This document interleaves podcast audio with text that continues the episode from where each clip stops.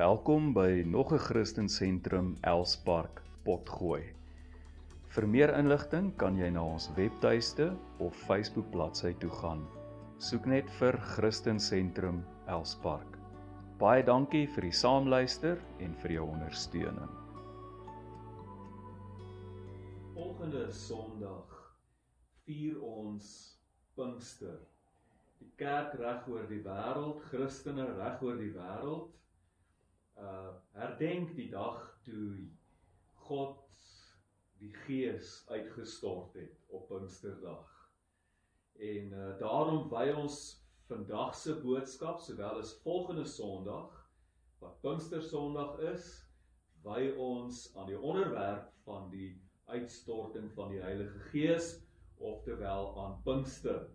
So vandag praat ons oor die belofte van die Gees, baie baie belangrik. So kom ons lees net saam uit Handelinge hoofstuk 1 vanaf vers 1 tot 8 en ek lees vir ons uit die 2014 proefvertaling. Die eerste berig oor Theophilus het ek geskryf oor alles wat Jesus begin doen en waaroor hy onderrig gegee het tot die dag dat hy opgeneem is nadat hy deur die Heilige Gees opdrag gegee het aan die apostels wat hy uitget kies het. Aan hulle het hy na sy lyding deur vele tekens getoon dat hy leef. Toe hy oor 'n tydperk van 40 dae aan hulle verskyn en met hulle oor die sake van die koninkryk van God gepraat het. Terwyl hy saam met hulle was, het hy hulle beveel Moenie uit Jerusalem weggaan nie, maar bly wag op die Vader se belofte wat julle van my gehoor het. Want Johannes het wel met water gedoop, maar oor nie baie dae nie sal julle met die Heilige Gees gedoop word. Toe hulle bymekaar was, het hulle vir hom gevra: "Here, gaan u in hierdie tyd weer die koninkryk van Israel oprig?" Maar hy het hulle geantwoord: Dit is nie vir julle om die tekens of om die tye en spesifieke geleenthede te ken wat die Vader in sy eie mag bepaal het nie. Maar julle sal krag ontvang wanneer die Heilige Gees oor julle kom en julle sal my getuies wees in Jerusalem en die hele Judea en Samaria en tot aan die einde van die aarde. Ek bid dat die Here hierdie skrifgedeelte en die oordeenking daarvan in ons almal se harte sal seën. Uh Lukas skryf aan Theophilus. Ons weet nie regtig wie Theophilus was nie. Een teorie sê dat hy die advokaat was wat Paulus tydens sy verhoor in Rome moes verdedig, maar ons weet nie regtig nie. Lukas praat ook van 'n eerste berig. En dan sê hy waaroor hierdie eerste berig gegaan het. Dit het oor alles wat Jesus begin doen en alles waaroor hy onderrig gegee het gegaan en dit eindig sê hy met Jesus se hemelvaart. En ons het hierdie eerste berig in ons Bybels. Ons ken dit as die evangelie van Lukas. In die evangelie van Lukas se eerste verse sien ons dan ook dat Lukas sy evangelie aan hierdie selfde Theophilus skryf. En die evangelie van Lukas gaan inderdaad oor Jesus se hele lewe van die begin af tot by sy hemelvaart. Maar let op die klem. Dit gaan oor alles wat Jesus gedoen het en oor alles wat Jesus geleer het. Baie belangrik dat ons sal verstaan Jesus se lewe het nie net uit woorde bestaan nie, maar ook uit dade.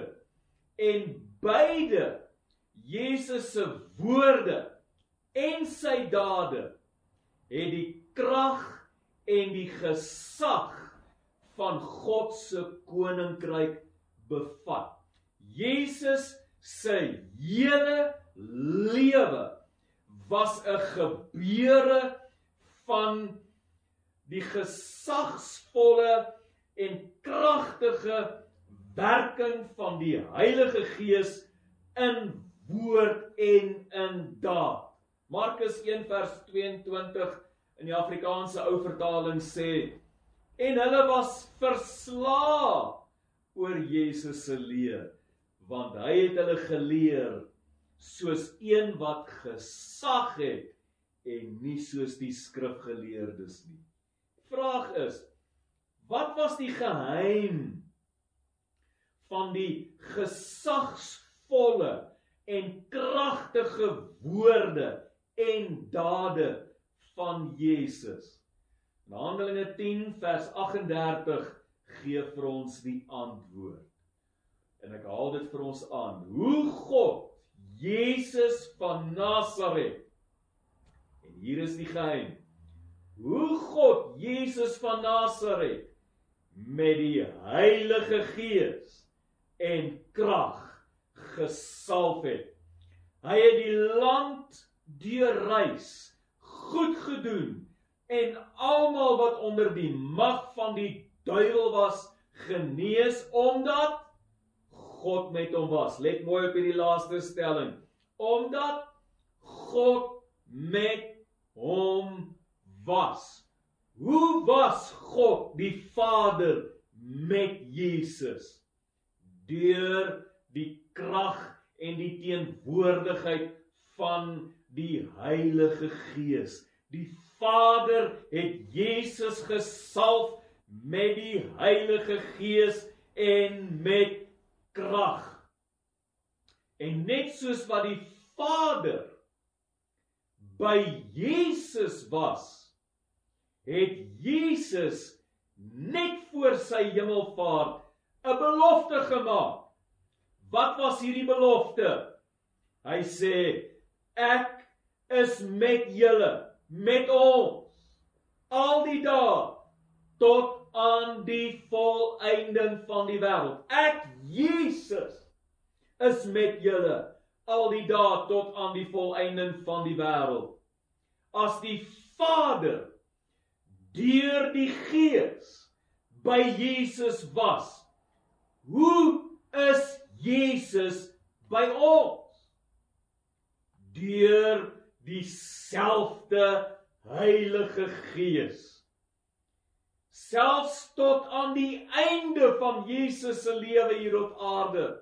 Selfs tydens Jesus se laaste 40 dae saam met sy disippels gee hy opdrag aan sy disippels deur wat? Deur die Heilige Gees. Vers 2 sê nadat hy deur die Heilige Gees opdrag gegee het aan die apostels. My vriend, my broer, my suster, Jesus se woorde en dade van begin tot einde word gekenmerk deur wat God deur die Heilige Gees in en deur Jesus gedoen het. En hier maak ek nou 'n baie baie belangrike stelling. God se koninkryk. God se koninkryk kom in hierdie wêreld deur die werking van die Heilige Gees. Baie belangrik om dit te verstaan. Die koninkryk van God kom in ons huidige wêreld deur niks anders nie as die werking van die Heilige Gees. En dit is die onderwerp waaroor Jesus met sy disippels praat in hierdie laaste 40 dae van sy lewe hier op aarde. Hy praat met hulle oor die sake van die koninkryk van God. En saam daarmee terwyl hy met hulle praat oor die koninkryk van God, gee hy vir hulle opdrag deur die Gees om nie Jerusalem te verlaat voordat hulle nie die belofte van die Vader ontvang het nie. Maar terwyl hy met hulle oor die koninkryk van God praat, wil sy disippels net oor die koninkryk van Israel praat. Israel en Juda was vir eeue lank koninkryke. En die goue era was toe Israel en Juda 'n verenigde koninkryk onder koning Dawid en koning Salomo was. Maar dit alles het tot 'n rampspoedige einde gekom toe eers die Assiriërs en later die Babiloniërs albei hierdie koninkryke verwoes het. Dit het ten gronde gegaan. En die disippels wil nou weet wanneer gaan God hierdie koninkryk van Israel weer herstel? Wanneer gaan Israel weer een nasie onder God wees? Wanneer gaan hulle weer die wêreld mag onder die nasies wees? Dis ironies dat hulle selfs na Jesus se opstanding nog steeds in eng nasionalistiese terme denk. Hulle sien, hulle kan nog nie die hele wêreld sien nie. Hulle verstaan nog nie dat dit nie oor Israeli nasionalisme gaan nie, maar oor die koninkryk van God. En in Handelinge 2 wat ons volgende week na gaan kyk, sal ons sien die Heilige Gees praat al die tale van die wêreld. God se koninkryk sluit uiteindelik mense uit al die nasies van die wêreld in. God se koninkryk breek deur alle polities nasionalistiese grense. En ek herinner vandag elke gelowige, veral ons Suid-Afrikaners wat na hierdie boodskap luister. Dit gaan nie vir God oor 'n ou of 'n nuwe Suid-Afrika nie. Dit gaan vir die Here oor 'n nuwe hemel en aarde en die Skeppergees wat 'n nuwe mensdom en 'n nuwe aarde tot stand sal bring is al reeds aan die werk in hierdie ou wêreld waarin ons nou leef. Luister mooi. Die pad na 'n nuwe verenigde mensdom loop nie deur die nuwe wêreldorde nie, maar deur die kruis en die Heilige Gees wat alles nuut maak. Ja, selfs die hele skepping, die aarde en die hemele. Wat is hierdie belofte van die Vader waarvoor hulle moes wag? Dit verwys na 'n belofte wat God in Joël 2 vers 28 tot 32 gemaak het. Wat was hierdie belofte? Die belofte was ek sal my gees uitstort op alle vlees.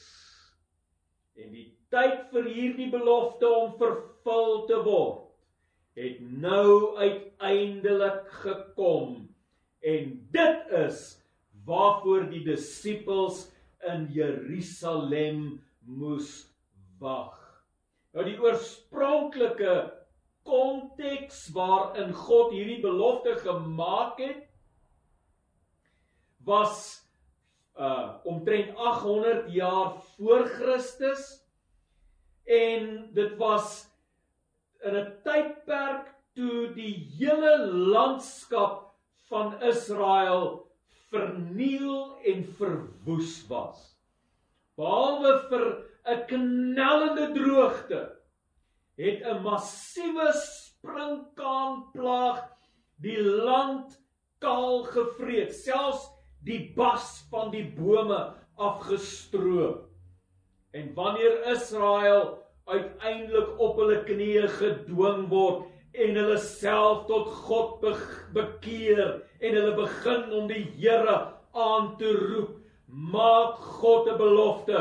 Hy beloof om weer vir hulle die vroeë reën vir die planttyd en die laat reën vir die oestyd te stuur.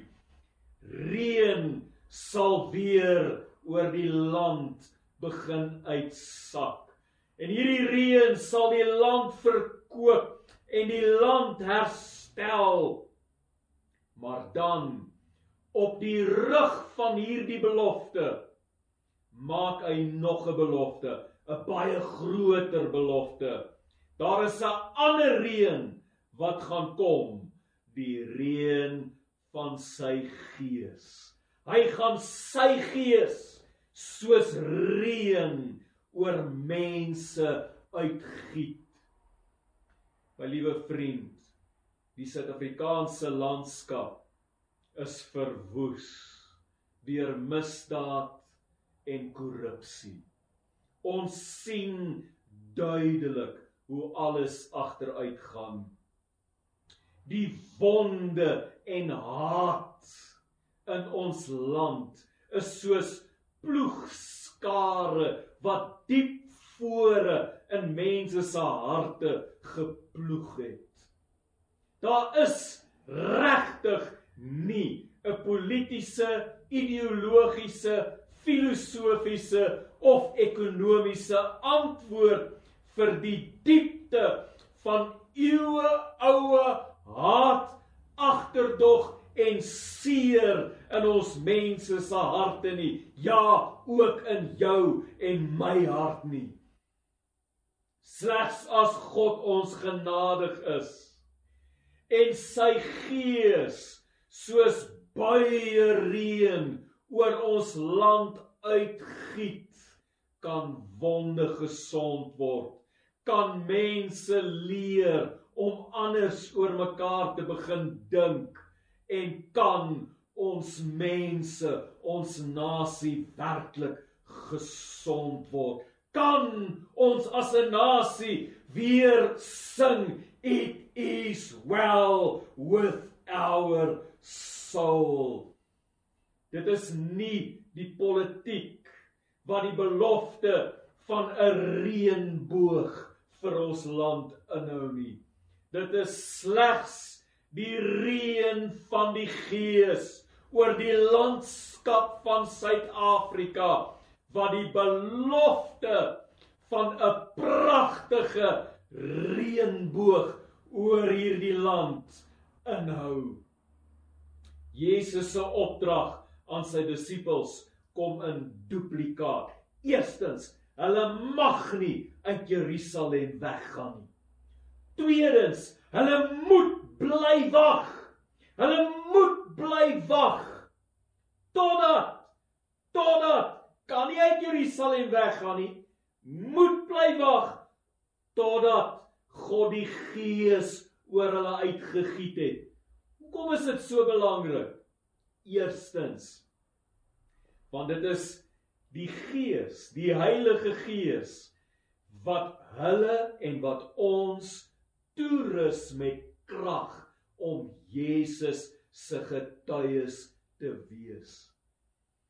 Tweedens want dit is deur die Heilige Gees deur die Heilige Gees wat Jesus self by hulle en by ons sal wees tot aan die einde van hierdie wêreld deur die Gees. Jesus het gepraat en gedoen, opgetree deur die krag van die Gees. Sy kerk, sy volgelinge, ja ons moet ook praat, ook doen, ook optree deur die krag van dieselfde Heilige Gees.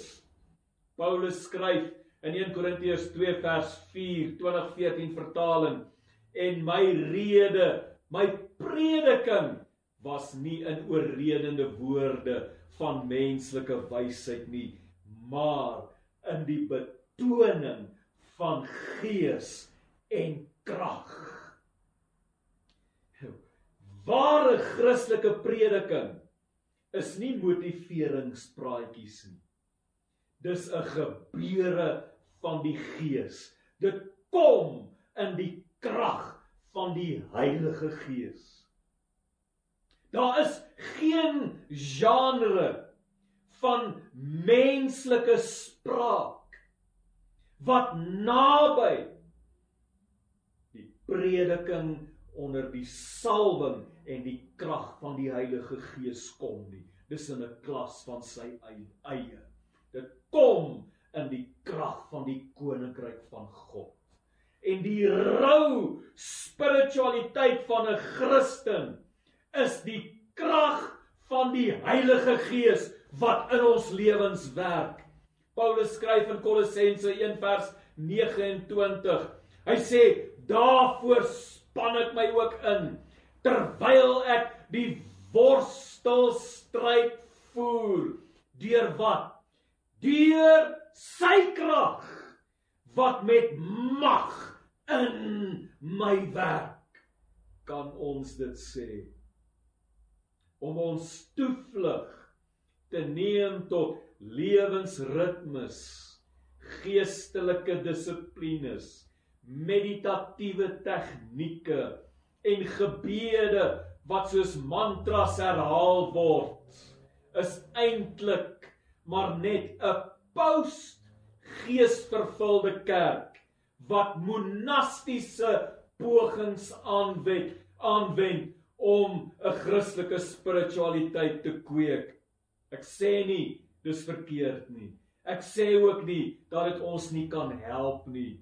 Ek sê bloot ons herhaal die patroon van 'n post geesvervulde kerk wat van hier rondom 300 na Christus af probeer ontsnap het aan die wêreldse invloede wat die kerk begin infiltreer en oorweldig het en hulle dit gedoen deur monastiese ordes te skep met al die reëls en die dissiplines wat daarmee gepaard gaan. Dit kan nie dit kan nie 'n geesvervulde kerk vervang nie. Jy het 'n doktorsgraad of 2 nodig om so diep tussen die lyne te kan lees dat jy spore hiervan in die Nuwe Testament kan kry. Dit terwyl die egte rou primitiewe Christelike spiritualiteit wat kom as gevolg van die vervulling met die Heilige Gees op amper elke bladsy in die Nuwe Testament gevind kan word. Die geheim van Nuwe Testamentiese Christelike spiritualiteit lê nog steeds in die koning van die kerk se opdrag om te wag totdat totdat die Heilige Gees oor ons gekom het en ons die krag van die koninkryk ontvang het. Jesus het gesê: "Wag totdat. Wag totdat. Ons het te haastig geword vir die Heilige Gees. Ons is te gejaag. Ons kitskultuur het van ons gemense gemaak wat nie daarvan hou om te wag nie. En tog is dit presies wat ons moet doen. Sommige van ons leef te veel in ons koppe in die korteks gedeelte van ons brein. En eintlik is dit ons harte ons harte wat met geloof en verwagting gefokus moet wees op die Vader se belofte. Ek sal my gees uitstort op alle vlees en hoor my. Ons God is een wat sy beloftes hou op alle vlees ja ook op jou vlees en op my vlees. Die belofte staan tot vandag ook vir jou volgende sonderdag as die Here my spaar wil ek graag al al is dit via die sosiale media wil ek graag vir mense bid vir die vervulling met die Heilige Gees. En gebruik asseblief vir die volgende week as jy nog nie ervaar het hoe die Gees van die Here oor jou uitgestort word.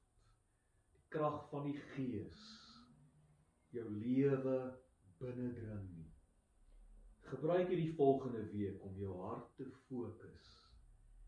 Begin om te wag op die Here. As dit nodig is, vas en bid. En volgende week gaan ons bid. Ons gaan die Here vra.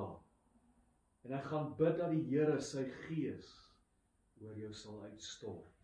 Net daar waar jy is, in jou sitkamer, in jou slaapkamer waar jy ook al is dat jy ook 'n deelnemer kan word aan die belofte van die Vader Pinkster die uitstorting van die Heilige Gees. Amen. Here hoe nodig het ons u gees nie. Hoe dank ek u vir u Heilige Gees ook in my lewe dis u gees wat die dryfkrag is, die vuur is wat binne in my brand. Baie dankie vir u gees. Dankie dat u gees Jesus aan my openbaar. Dankie dat u Heilige Gees ons lei in die volle waarheid. Dankie vir die gemeenskap van die Heilige Gees. O Here, ek bid vir my broer, my suster, my vriend wat na hierdie uitsending luister, dat ons almal mense van u gees sal wees. Deurdronge, o Here, dat ons mag swem in die lewende water van u gees. Ek bid dit in Jesus naam.